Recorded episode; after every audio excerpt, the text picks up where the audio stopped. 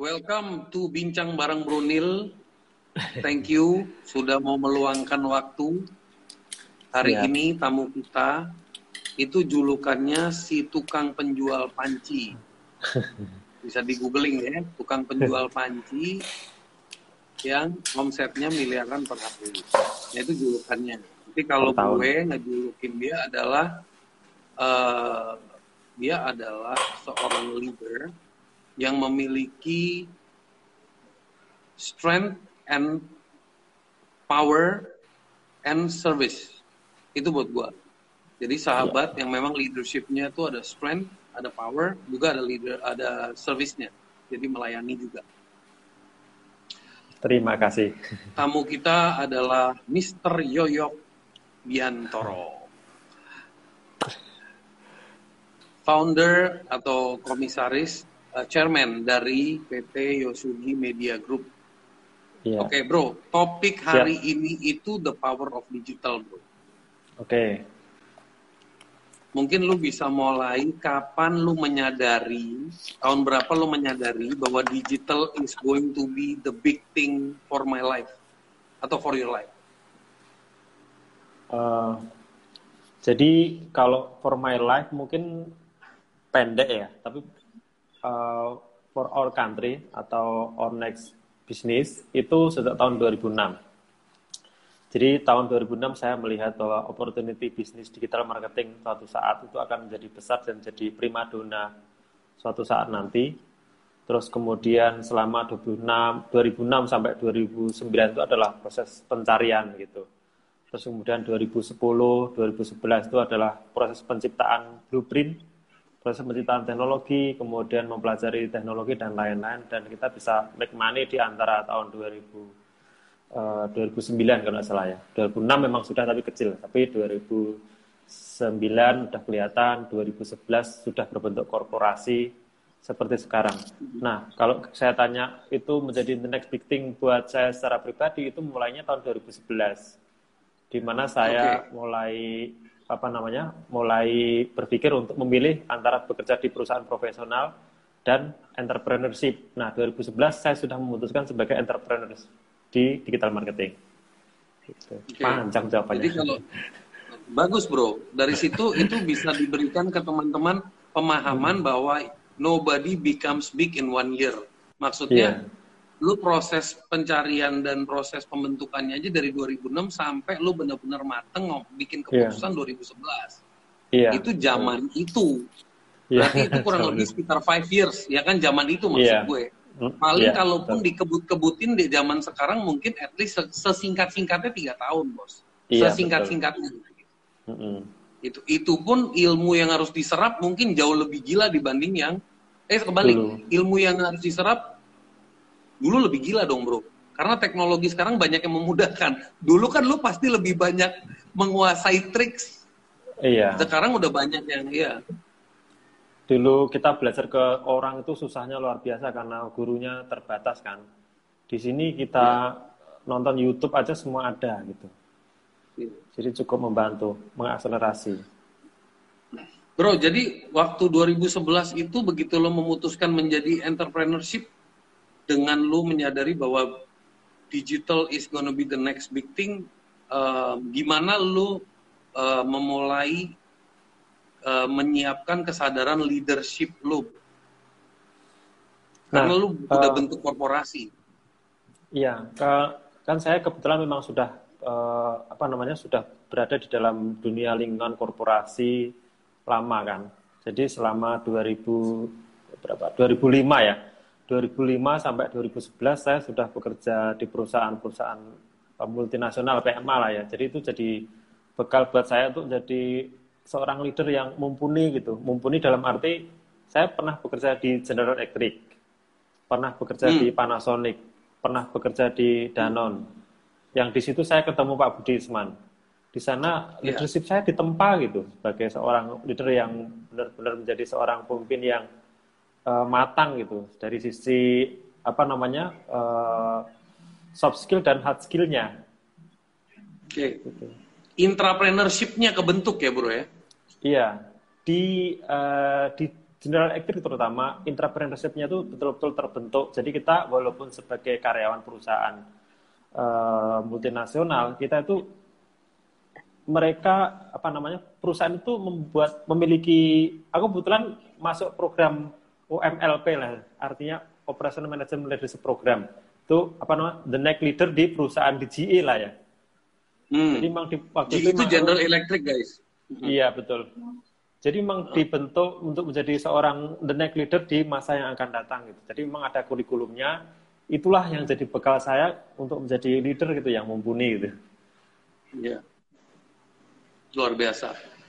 Tapi lu udah kerja di multinasional. Ini kan gue gue pasti lu pasti punya challenge, Bro. Lu kerja di perusahaan yang internasional atau multinasional dengan gaya pemikiran mereka, dengan gaya ini dan lu mengadaptasikan itu ke orang lokal itu kan nggak mudah, Bro Artinya begini, lu kerja di situ ya pasti lu lu harus adaptasi karena bos-bosnya, environmentnya, shaping lu menjadi entrepreneur experience yeah. gitu kan.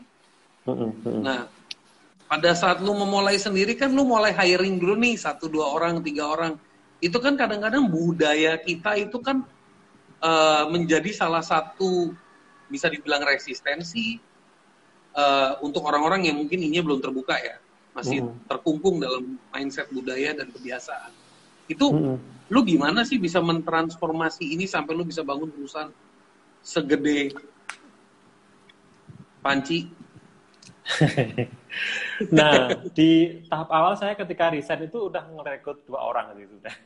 Oke. Okay. Dua orang apa namanya? Dua orang krucil ya. Uh-huh. dua orang teman yang siap untuk uh, capek lelah gitu ya karena kita memang mulai dari awal dan nol terus kemudian waktu itu kita memang menjual dream ya menjual mimpi ke teman-teman dua orang teman itu artinya gaji kecil tapi suatu saat nanti kalau besar kamulah yang akan menikmati hasilnya gitu something nah hmm. bagaimana kita mentransformasikan uh, culture yang kita udah terbentuk sebagai perusahaan korporasi terus kemudian menjadi perusahaan yang tanda kutip perusahaan yang dibangun dengan cara rebahan itu luar biasa hmm. beda sekali culture-nya kan yang kita hmm. kalau misalkan bikin uh, bikin apa namanya uh, bikin flow itu ya bikin flow digital marketing itu kan biasanya main gambar aja kan main gambar hmm. artinya pokoknya caranya gini deh pokoknya nggak usah diomongin gitu nah aku udah mulai dalam bentuk SOP iya udah dalam bentuk SOP jadi kita uh, cara membuat email katakanlah itu kalau bikin email ya bikin hmm. aja gitu loh digital marketer tapi hmm. uh, saya sudah mulai di zaman itu email itu sudah ada SOP-nya, ada standar operating prosedurnya, sehingga ketika ada orang baru dia cukup melihat SOP-nya atau work instruction-nya, sehingga itu akan memudah mengakselerasi bisnis kita. Enggak terus kemudian setiap hari kita ngajari orang baru dengan uh, one on one gitu enggak, tapi kita bisa meminta orang untuk membaca SOP-nya. Jadi itu yang salah satu yeah bekal kita mentransformasikan knowledge kita ke orang lain dengan cara yang lebih cepat dan lebih baik dan terstruktur. Yeah. Kemudian yang kedua Jadi, kita ada standar ada standar anunya standar kualitinya gitu. Uh, Contohnya kalau kita immerse nih nggak pernah ngomongin soal ini KPI-nya apa sih sebenarnya kerja itu hmm. KPI-nya apa sih. Nah saya di Danone udah di, diajari bagaimana kita mengukur KPI diri kita, mengukur KPI uh, tim kita gitu di GE juga sama ngukur KPI. Nah itu dengan KPI kita akan mudah ngukur. Kalau immerse kan nggak ada KPI, mereka pokoknya asal profit gambar aja kan. Nah di situ. Iya. Berarti itu aja. itu yang membedakan uh, dagang dan entrepreneurship ya. Dagang ya, sama entrepreneurship itu beda banget. Kalau entrepreneurship itu dia sudah memikirkan alur. Jadi SOP itu sebenarnya bagian dari sistem guys. Iya. Jadi betul. KPI itu adalah Key Performance Index, bukan PKI ya guys. Jadi jangan yeah. sampai salib-salib. nah, Mas Yoyo ini adalah sosok yang cukup inspiring buat diri saya, karena dia adalah uh, buat gue dia adalah benar-benar pembuktian sosok UKM, usaha kecil miliaran. Itu hmm. udah sosok kuat banget buat gue. Tapi orangnya humble sekali. Bro, lu bisa ceritain nggak? Lu begitu memulai menjadi entrepreneurship, kok lu milihnya jualan panci, bro? Story sih ya, story atau cerita di mana nah, ketika kita berbisnis itu uh, gini, ini cuman kebetulan aja sih sebenarnya. Cuman kebetulan di mana ketika ketika uh, memulai usaha itu ketemu winning campaign-nya istilahnya. Winning campaign-nya itu hmm. itu gitu. Hmm. kita memang mencoba banyak produk pada saat itu ada yang uh, bentuknya hmm. sikat gigi, kemudian sikat gigi elektrik, hmm. terus kemudian hmm. uh, apa namanya suplemen, kemudian uh, hmm. produk diet dan lain-lain. Tapi kita melihat apa sih produk yang diperlukan oleh banyak orang ya, diperlukan banyak orang, hmm. dipakai banyak orang dan semua orang membutuhkannya gitu. Tapi available di uh, manufaktur dalam hal ini adalah manufaktur di Cina gitu. Nah, salah satunya adalah hmm. panci itu gitu. Hmm. Bro, mungkin bisa ceritain sedikit ke teman-teman buat yang belum kenal Mas Yoyo yang baru join di sini.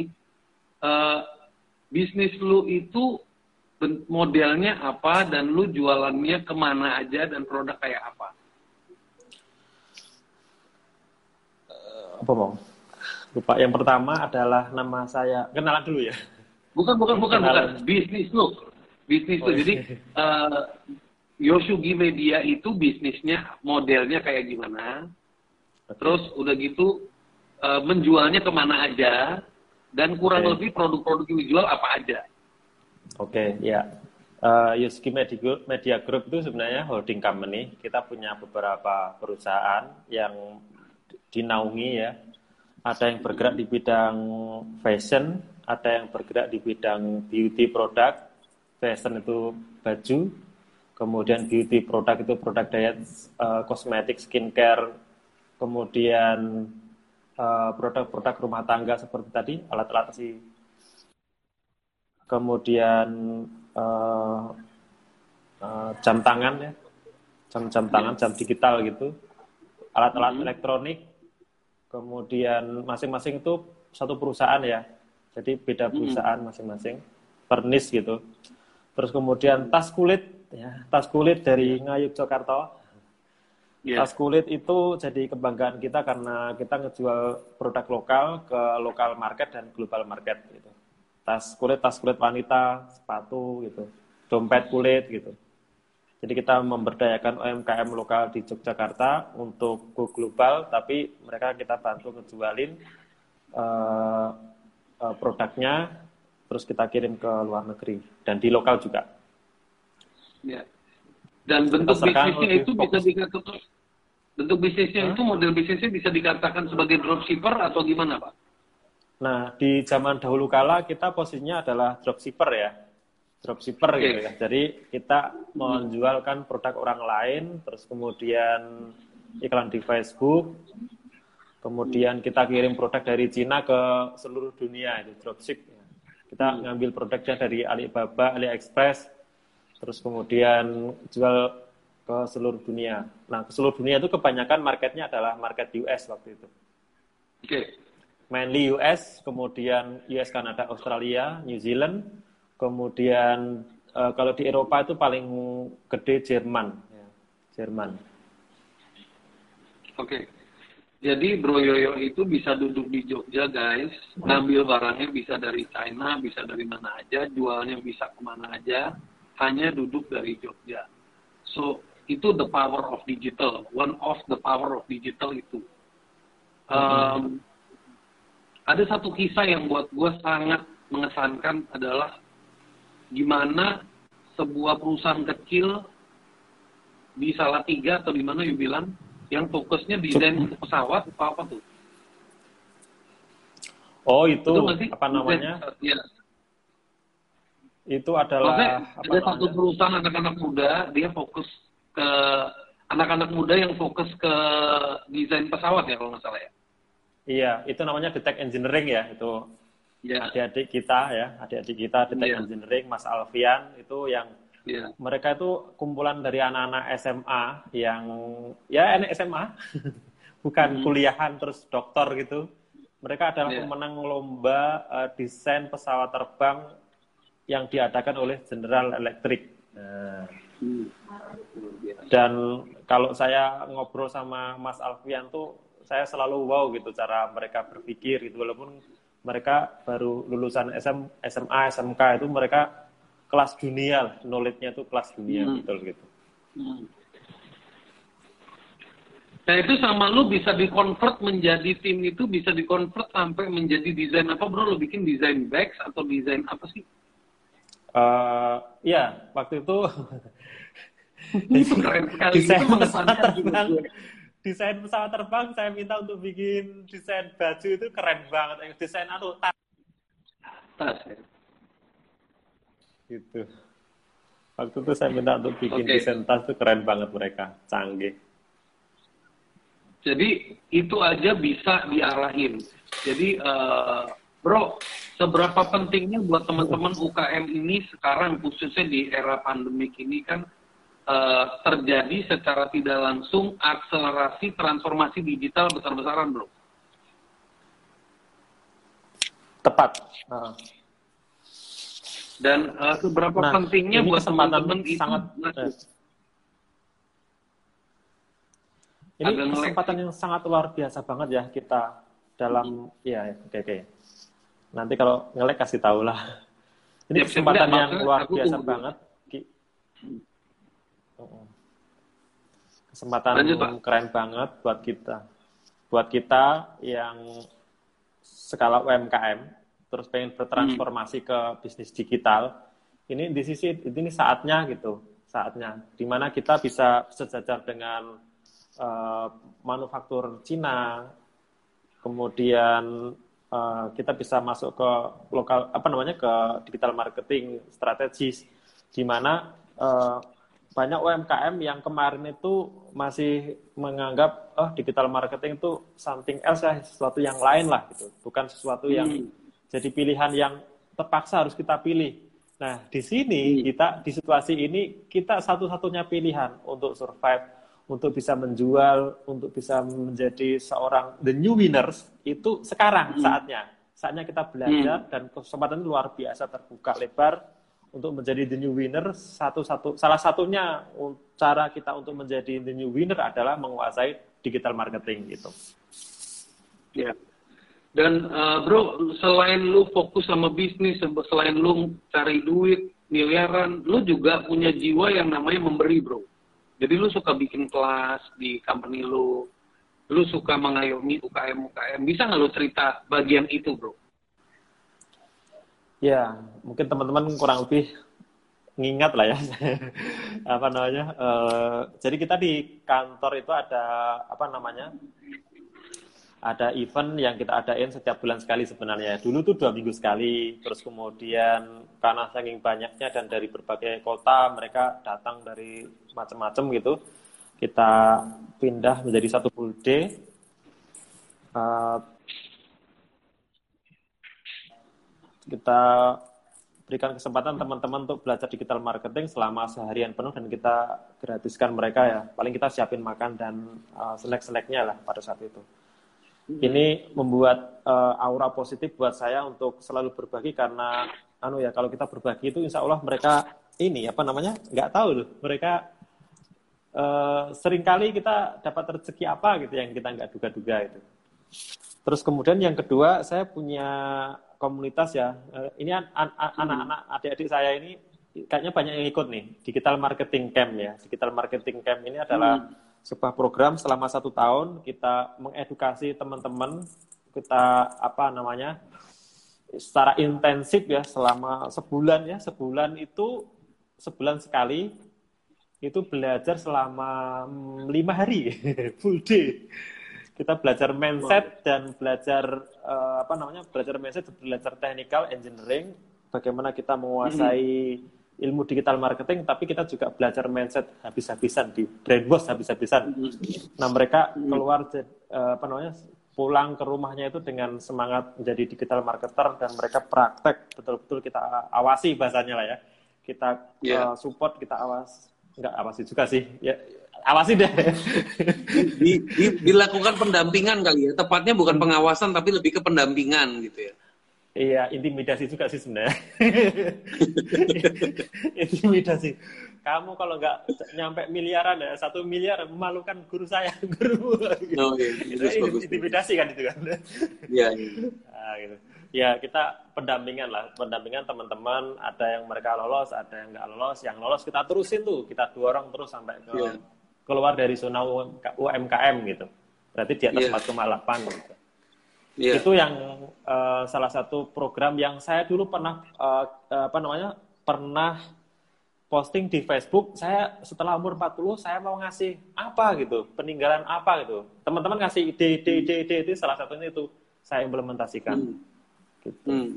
dan itu kita biayai bukan teman-teman yang membiayai paling mereka biaya okay.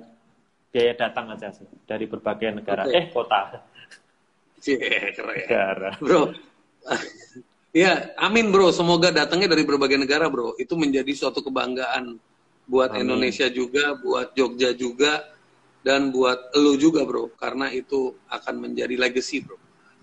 Siap. By the way, kalau teman-teman di sini pada pada merasa gue kayaknya harus ikut nih, itu biasanya kayak gitu itu ada persyaratan nggak bro? Maksudnya gini, kadang-kadang kadang orang itu kalau belajar di sebuah camp atau apa yang sifatnya free gitu ya, itu either memang nggak ada filtering sistemnya atau ada sebuah filtering system jadi lo tahu nih orang tuh ready or not atau gimana?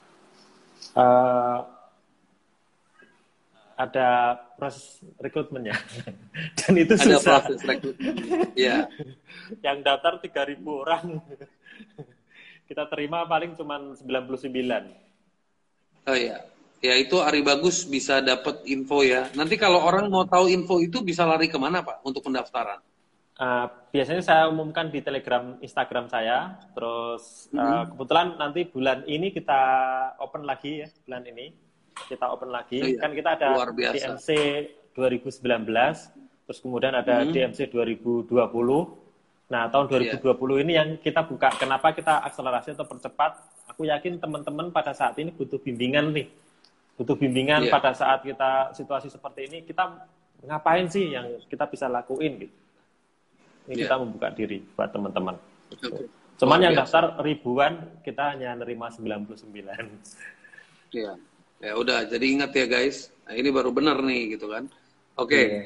bro uh, bisa cerita uh, jadi gini kadang-kadang orang itu kan menganggap digital marketing itu is the only way and the only way now is to make money and kebanyakan yeah. mindsetnya tuh gimana caranya gue ikut. Contohnya gini gue mungkin mengilustrasikan sebuah cerita lah. Misalnya gue datang ke lo bro. Terus gue bilang bro bantuin gue dong. Gue belajar FB Ads sama lo misalnya. Atau gue belajar Instagram atau Google misalnya gitu ya. Terus lo trainingin gue nih lima hari Terus harapan gue itu setelah lima hari itu langsung hari ke-6 atau hari ke-7 gue udah bikin duit tiap hari sejuta gitu kan atau tiap hari lima juta. Kadang-kadang kan orang tuh di back of the mind itu pengen cepet cepet cepet jadi. Yeah. Gitu. Nah mungkin ada nggak uh, some advice, some cerita kejadian-kejadian lucu yang mungkin lu bisa share, di mana membuat orang tuh jadi lebih lebih lebih more terprogram pikirannya dan ekspektasinya bisa di manage, bro. Iya, jadi kita kita contohkan aja digital marketing camp itu programnya satu tahun. Terus okay. kita ngajari teman-teman itu, walaupun mereka udah dipilih dan diseleksi ketat se keren-keren mungkin ya, sehebat mungkin karena dia bikin video, terus kemudian menceritakan tentang dirinya. Mereka harus bikin CV, CV-nya kita cek, terus kemudian kita wawancarai, ibaratnya pilihan lah dari 100 itu nggak semuanya berhasil dan mereka hmm. yang berhasil itu bukan di minggu pertama hmm. di bulan kedua bulan ketiga bulan keempat nah ini ini kita hmm. sampai ke bulan keempat itu hanya sekitar 20% yang berhasil nah orang yang berhasil ini yang walaupun kita udah kasih blueprint teknologi udah head to head apa namanya berhadapan hadapan dengan saya setiap hari saya mentoring setiap hari bahasanya ya ketemu hmm. saya setiap hari bahasanya sore lah ya itu di kantor yeah. itu nah mereka punya akses ke saya setiap hari gitu mereka nggak terus serta merta berhasil mereka juga harus implementasikan apa yang sudah kita lagi ngejelasin tadi yang gue dengar sebelum terputus itu dari 100 orang aja mungkin yang berhasil 20-an persen. Iya. Ya betul. Jadi kita ada program seperti itu, terus kemudian uh, yang berhasil aja 20% ya. Jadi nggak terlalu nggak terlalu banyak gitu ya. Sisanya memang berhasil tapi secara minimum reformanya belum nyampe gitu. Hmm. Minimum reformanya kita standarnya uh, 1 m nih. Nggak semua orang hmm. dapat 1 m gitu. Hmm. Omsetnya ya. Jadi pengertian pengertian berhasil pengertian berhasil itu buat lo adalah menembus angka itu atau pecah telur? Menembus angka itu pecah telur. Oke, berarti bukan makanya gue nanya biar orang nggak salah persepsi kan bro berhasil itu macam-macam berhasil nih gue udah berhasil make money gitu kan sama berhasil tembus target gitu kan beda nah ya, kita kalau berhasil pecah telur itu berarti menembus omset 1M dalam waktu 4 misalnya 4 sampai 5 bulan gitu ya dari ya. masa training. Ya. Nah, itu guys. Keren banget, Bro. Keren abis itu. Nah, kita, lu benar-benar lagi ngedongkrak UKM tuh. Ya. Nah, kita kan membantu teman-teman ya, membantu teman-teman supaya mereka berhasil. Itu pun dengan platform apa namanya? Dengan uh, strategi yang kita kasih, terus kemudian cara yang kita kasih, exacting segala sesuatu yang hmm. benar kita implementasikan itu belum tentu sama. Nah, kembali ke hmm. pertanyaannya tadi, bagaimana sih supaya ketika kita apa namanya masuk ke dunia digital marketing kan kita nggak nganggap uh, digital marketing itu bukan satu-satunya atau jalan tercepat untuk mencapai sukses gitu. Hmm. Banyak hal yang bisa kita implementasikan, tapi dengan digital marketing camp dengan digital marketing, teknologi digital marketing, kita seperti setara kesempatannya dengan konglomerat. Oke. Okay. kalau mau sukses, itu setara dengan konglomerat tanpa biaya dan modal yang segede gaban seperti mereka. Iya. Itu ada si kerennya di situ. Oke. Okay. Kerennya di situ. Yang nggak kerennya bagian apa, bro? Coba ceritain bagian yang nggak kerennya, bro. Yang nggak keren itu komitmen dan lompat-lompat. yang enggak yang belajar tapi lompat-lompat itu loh. Oke. Okay. Bro, seberapa penting sih uh, soft skill sama hard skill dalam mengimplementasikan menjadi seorang digital marketer yang handal? Biasa kan orang tuh larinya ke hard skill ya, teknikalnya harus kuat banget. Uh, begini kalau pengalaman saya, hard skill itu akan menjadikan kita uh, dapat insight-insight, dapat pengalaman, dapat winning campaign, dapat produk, dapat teknologi, dapat insight seperti itu. Tapi kita kalau tidak memiliki soft skill, kita akan berhenti menjadi imers. Kita akan berhenti hanya sebagai imers yang punya apa namanya usaha di digital marketing. Tapi kalau kita hmm. punya soft skill, terus kemampuan kemampuan berorganisasi, bikin korporasi, itu akan membuat uh, kesempatan kita ilmu hard skillnya tadi bisa diimplementasikan dan bisa diakselerasi serta bisa di scaling dalam bentuk yang besar gitu ya secara korporasi hmm. uh, sehingga hard skill sama soft skill itu penting banget untuk menjadikan kita sebagai orang yang bekerja di digital marketing tapi ini apa namanya skalanya skala korporasi gitu. Oke. Okay. Dan uh, lu pasti pernah ada fase di mana lu pernah melewati yang namanya masa jatuh, bro. Atau lu, puji Tuhan, alhamdulillah dari dulu naik aja pelan-pelan naik, atau sempat bluk baru naik lagi. Jatuhnya udah ribuan kali. ribuan kali, oh itu. Ya, ada jadi... ada bagian yang mungkin lu bisa share mungkin sebagai insight buat teman-teman about mindset. Yeah buat bangkit ya. Jadi uh, di posisi saya ini bahkan sampai sekarang sekalipun ini apa namanya kita mengalami fase bangun jatuh bangun jatuh bangun jatuh itu ya seperti teman yang me, proses bangun jatuh eh kok bangun jatuh? Jatuh bangun jatuh bangun itu itu seperti teman yang menemani kita setiap saat gitu jadi ketika kita menjalani bisnis, tiba-tiba akun kita kesempat bias gitu, terus kemudian itu akun corporate, terus kemudian kita bisa recover hmm. kembali. Itu kan dari zero menjadi zero.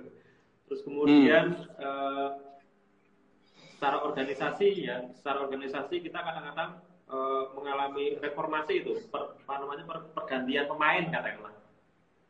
Hmm. Itu juga salah satu apa namanya situasi di mana kita mulai dari uh, apa namanya dari besar terus kemudian zero lagi, kemudian kita tata organisasinya supaya lebih efisien itu menjadi hero kembali. Kemudian uh, ketika kita di fase seperti ini sekalipun, di mana digital marketing itu perubahannya itu sangat dinamis, itu ada kalanya kita metodologi yang sekarang itu, eh yang kemarin itu working dan bagus, tiba-tiba minggu ini atau hari ini nggak bisa working lagi. Nah kita mulai dari hmm.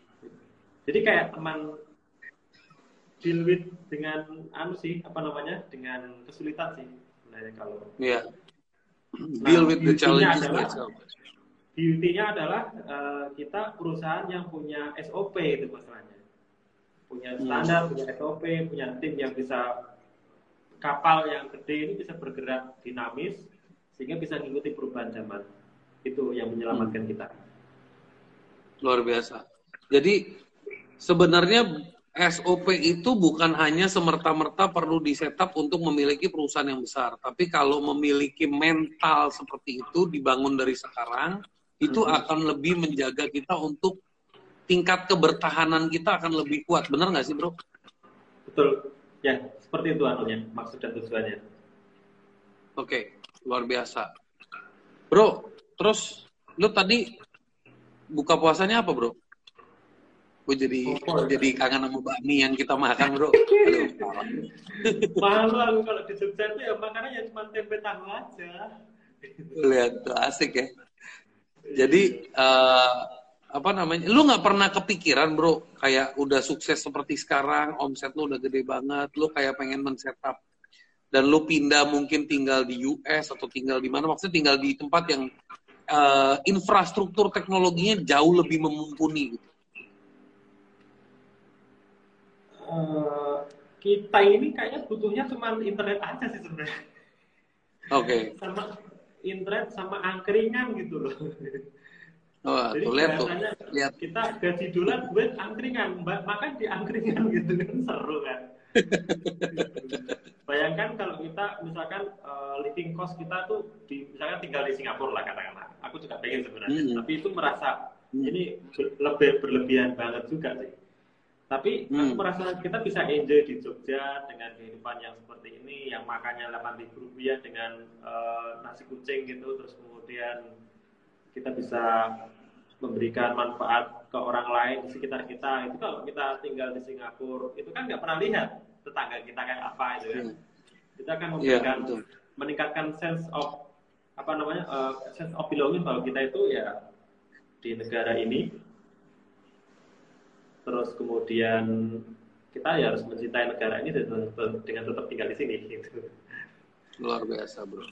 Bro, uh, apa pesan-pesan lu buat teman-teman uh, yang sekarang lagi ketakutan, yang sekarang lagi keblok, yang sekarang gue nggak tahu gue harus gimana, gue nggak ngerti digital, gue nggak ngerti gue harus dagang dari mana dulu, gue bingung uh, anak istri gue dalam 3-4 hari kemudian nggak ada makan,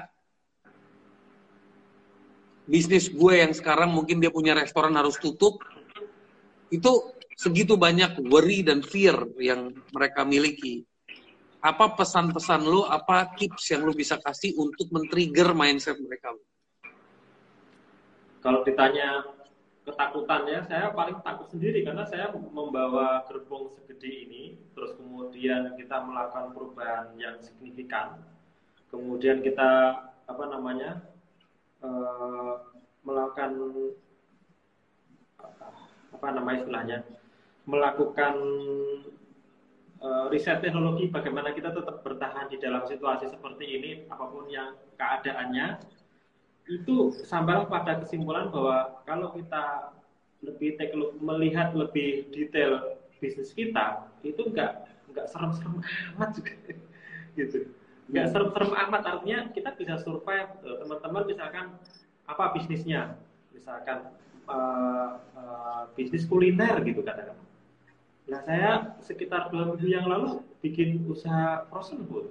Kan aneh kan? Hmm hmm. frozen food ya makanan kuliner lah ya makanan kecil gitu hmm. nah kita tetap sesuai dengan tema kita hari ini gunakan teknologi digital marketing kesempatan untuk menjual hmm. produk secara uh, di, di internet kebetulan saya uh, fokusnya ke Instagram ya di, di Instagram teman-teman punya makanan punya sesuatu yang bisa dijual di digital marketing di internet yaitu dengan menggunakan Instagram ya kita belajar menggunakan YouTube belajar bagaimana cara aku biasanya gini belajar cara menjual produk ini di internet. Aku mulainya dari situ juga.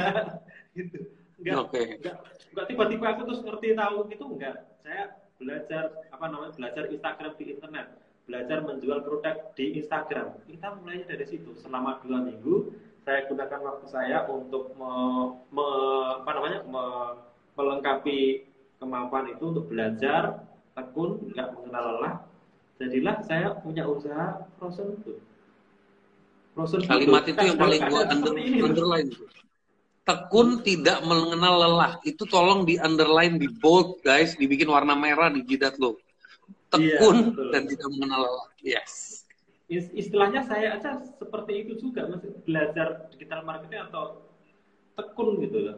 Kalau kita nggak tekun selama dua minggu belajar ya kita nggak akan jadi apa-apa. Tapi kalau kita tekun tidak mengenal lelah saya belajarnya juga gila-gilaan kan ya. Sehari itu 16 jam belajarnya gitu kalau kita mau menguasai hal yang baru. Wow. jadi teman-teman yang merasa galau bisnisnya nggak bisa eh, nggak uh, bisa ngapa-ngapain bisnisnya apa nih misalnya?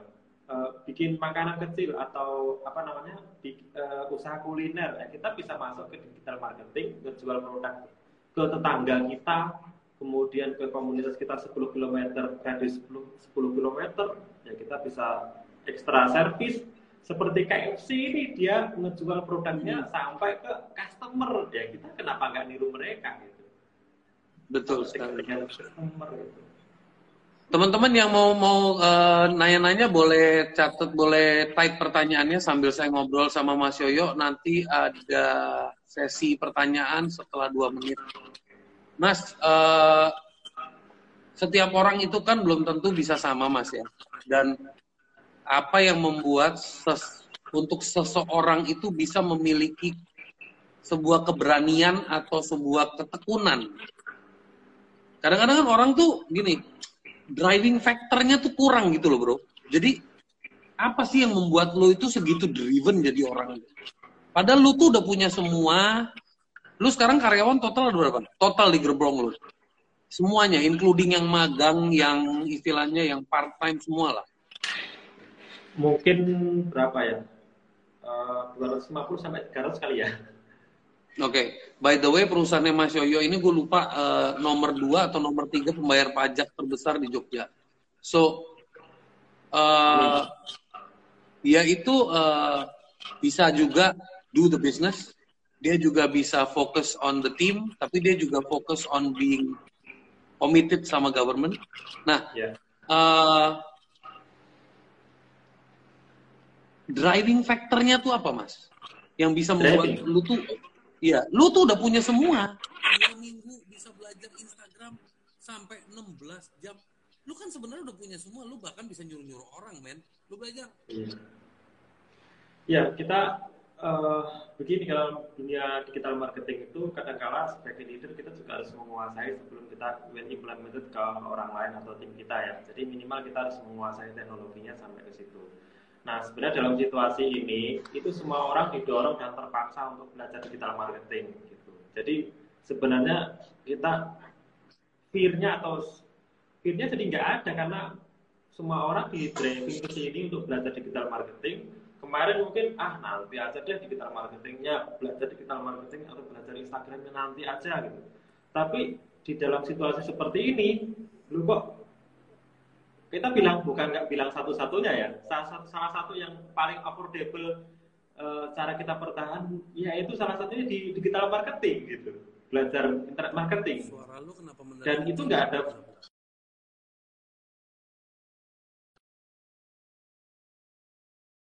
Ya gitu. Jadi saya pikir kita lupakan ketakutan masuk ke situ aja dimakan gitu insya Allah kita jadi orang yang sukses. Oke. okay. Thank you Mas Bro, itu very insightful banget. Nih ada pertanyaan sedikit-sedikit nih. Kita mau menuju another 5, 10 minutes lah. Hmm. Untuk iklan lebih efektif mana, FB Ads or Google Ads? Jawabnya quick aja. Saya Facebook Ads sama Google Ads sama-sama punya corporate akun. Oke. Okay. Kalau kita misalkan Terus pada uh,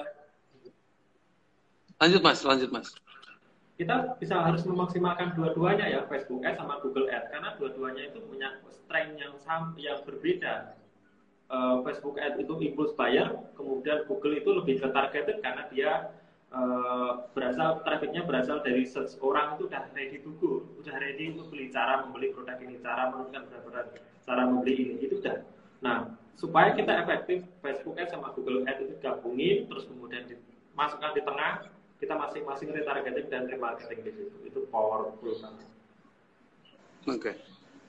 Mas, uh, ada channel dari Mas Yoyo untuk belajar digital marketing di YouTube? YouTube ya juga. YouTube aja. Digital marketing YouTube. Oh, maksudnya Mas Yoyo punya channel di YouTube nggak? maksudnya gitu Mas Yoyonya oh enggak enggak punya Kristinali itu jawabannya iya jadi jawabannya buat Mas Irfan di YouTube itu justru banyak sekali tinggal ketik kata kunci tertentu untuk belajar. Itu saran dari Mas Yoyo. Terus iya, Mas Yoyo gimana sih Kak gimana atasi kalau tiba-tiba bosen ketika fight belajar selama 16 jam per hari. Ganti topik. ganti topik, oke. Okay. iya, jadi kalau kita nonton YouTube bosan gitu ya, eh ganti aja lagu dangdut gitu beres. Uh. Oke, okay, ini lagi nih. Mas. kalau kita mau uh, master itu jadi seorang master mm -hmm. ya harus kuat belajar 16 jam sehari. Kalau kita sebagai digital marketing, digital marketer itu kan biasa deh kita sehari belajar 16 jam itu. Enggak enggak gerak rebahan gitu belajar itu bisa gitu. Oke. Okay. Semua itu kebiasaan dan semua itu dibangun dari spirit, guys. Mas, tanya dong, trik abang menyelesaikan kegiatan-kegiatan rencana jadwal kegiatan sehari apa ada bang? Boleh minta nasihatnya. Jadwal ya. Saya punya jadwal ya, jadwal kegiatan sehari-hari itu. Dan ini cukup ketat lah anunya, jadwal kegiatan sehari-hari itu. Saya apa namanya jadwal. Jadi saya punya jadwal yang saya disiplin di situ. Mungkin teman-teman yang lain yang pernah ketemu saya itu tahu betul saya itu seperti apa sih gitu misalkan saya tidurnya hmm. maksimal jam 22 lah ini sekarang udah tidur lima udah ngantuk terus bangun hmm. pagi jam 3 pagi gitu jam 3 pagi aku udah bangun nah. jam 3 sampai jam 6 saya belajar satu topik jadi saya belajarnya jam 3 sampai jam 6 di YouTube jam 7 sampai jam 9 saya membaca materi training membuat materi training jadi yang tak pelajari tadi saya bikin materi training dan bikin dengan uh, okay. ulang gitu itu nancep hmm. banget gitu kita belajar kayak gitu jam 9 jam 10 saya teaching tim baru kemudian jam hmm. 10 sampai 11 evaluasi performance tim yang saya develop kemudian jam 1 jam 15 itu koordinasi dengan tim finance 16 sampai 18 itu membuat konten membuat video mengasah otak kita bikin konten writing ya kita kan orang kita marketing kan kemudian jam 20 sampai jam 22 kita koordinasi dengan tim global market hmm. itu setiap hari kayak gitu kita disiplin tanpa itu kita nanti bukan siapa-siapa. Kita akan berada. Udah denger ya guys. Gue sampai bingung lu kapan sama, sama anak bini lu berarti cuma weekend ya berarti. Uh, jam 12 sampai jam 3. Iya bener-bener. ya udah aku jujur. Saya sama anak-anak itu hari Minggu aja. Oke. Mas, gimana cara mencegah karyawan Mas keluar dan buka sendiri? Karyawan.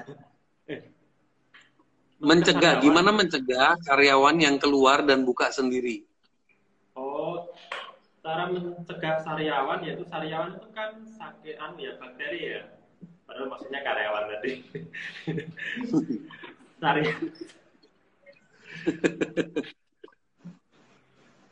kita nggak bisa menolak mereka untuk ketika hmm. mereka udah pintar dan mereka bikin usaha sendiri itu nggak bisa menahan mereka Tapi bayangkan hmm. kalau kita memberikan kesempatan kepada tim kita yang di internal ini untuk uh, hmm. kita rangkul mereka sebagai teman, bukan hmm. sebagai karyawan gitu. Terus kemudian uh, apa namanya kita berikan benefit dan manfaat yang sepantasnya buat mereka. Yang kalau mereka usaha sendiri belum tentu mereka juga dapat. Terus kemudian kita kasih hmm. mereka proporsi apa namanya benefit dari profit perusahaan kira-kira mereka mikir aku mau usaha sendiri apa sama mas saya aja sebenarnya gitu hmm. itu akan jadi pilihan yang sulit buat dia insya Allah hmm. dengan itu minimal mereka akan stay dengan kita iya jadi kita sebenarnya jadi pemimpin tuh nggak usah terlalu merasa rasa takut ya. Kalau memang karyawan itu mau keluar dan mau buka sendiri ya itu hak dia juga. Itu nggak usah Dulu. terlalu ketakutan juga. Betul. Dulu waktu tim saya masih dua lima sepuluh itu ketakutan kayak gitu saya luar biasa. Kalau udah 100 hmm. 200 sudah nggak kerasa gitu. Betul sudah nggak okay. berasa gitu. Nggak berasa takut. Makanya bikin Mas, karyawan banyak itu biar nggak takut Nih Mas minta tanggapannya mengenai affiliate marketing. Saya belajar atau besar di affiliate marketing dari tahun 2011 sampai 2014 mungkin kalau tidak salah ya. Terus eh, sorry sampai 2016 saya uh, fokusnya ke affiliate marketing menjual produk orang lain brand orang lain. Terus kemudian sampailah pada saya pemahaman bahwa saya kalau menjual affiliate produk orang lain itu saya merasa bukan saatnya lagi karena saya harus memiliki brand yang itu nanti jadi kebanggaan kita jadi aset digital kita kalau kita punya brand sendiri ya ketika kita awal ya belajar digital marketing dengan affiliate karena itu memudahkan banyak hal. Tapi kalau kita sudah punya uh, apa namanya punya uh, pengalaman yang bagus, ya kita saatnya untuk masuk ke pemilik brand gitu. Oke, okay. bro, thank you so much. Ini udah waktunya jam lu mau tidur sebenarnya. So ya. pesan ya. penutup bro, pesan penutup buat teman-teman bro yang nonton. Okay. Baik teman-teman, uh, saya mau sharing ke teman-teman saat ini teman-teman di sini kan saya yakin banyak digital marketer ya. Teman-teman saya mau ngajak semua yang ada di sini yang mendengarkan saya, mendengarkan seruan saya, jadilah kita ini menjadi seorang yang the real hero, menjadi pahlawan bagi bangsa dan negara ini karena kita salah satu pilar penggerak ekonomi bisnis di Indonesia yang dalam kondisi seperti ini kita masih tetap bisa rebahan tapi bisa menggerakkan ekonomi, bisa mengaktifkan kembali manufaktur, bisa mengaktifkan kembali pengiriman jasa pengiriman, kemudian karyawan kita tetap bisa bekerja karena kita bisa meminta mereka bekerja di rumah sehingga bisnis kita walaupun tetap di rumah masing-masing ekonominya tetap berjalan dan bergerak. Jadilah the real hero pada saat ini turun ke jalan bukan maksudnya turun ke jalan sambil rebahan, tapi kita tetap gerakan gerakan ekonomi kita supaya bisa lebih baik lagi dan menyelamatkan banyak orang. Terima kasih banyak Mas Bro uh, dan jangan lupa teman-teman ingat belajar dengan ketekunan tanpa kenal lelah. Itu sangat underlining banget. Gitu. Ya. And bro, uh, salam buat keluarga bro. Semoga lu selalu diberkati, diberi Amin. banyak rezeki, kesehatan, kekuatan dalam memimpin dan menjadi inspirasi buat banyak orang dan syukur-syukur suatu saat lu bisa memimpin negara ini. Bro. Amin. Amin. Thank you, bro. Jadi pengusaha aja. Yo, bro, gak apa-apa. Meng jadi pengusaha yang mengendalikan pemimpin juga gak apa-apa, bro, dengan value-value. siap, siap, siap. Oke, bro, senyum, bro. Kita selfie dulu. Yeah. Oke, terima kasih.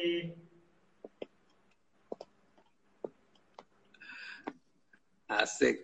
Bro, uh, take care ya. Teman-teman jangan lupa follow Mas Bro Yoyo and uh, lihat Instagramnya nanti akan ada acara digital marketing camp. Uh, camp. Siapa tahu you big get selected. Kalau enggak, cari tahu di YouTube, belajar, jangan pernah menyerah. Thank you bro. Thank you so much. Good night bro. Yeah.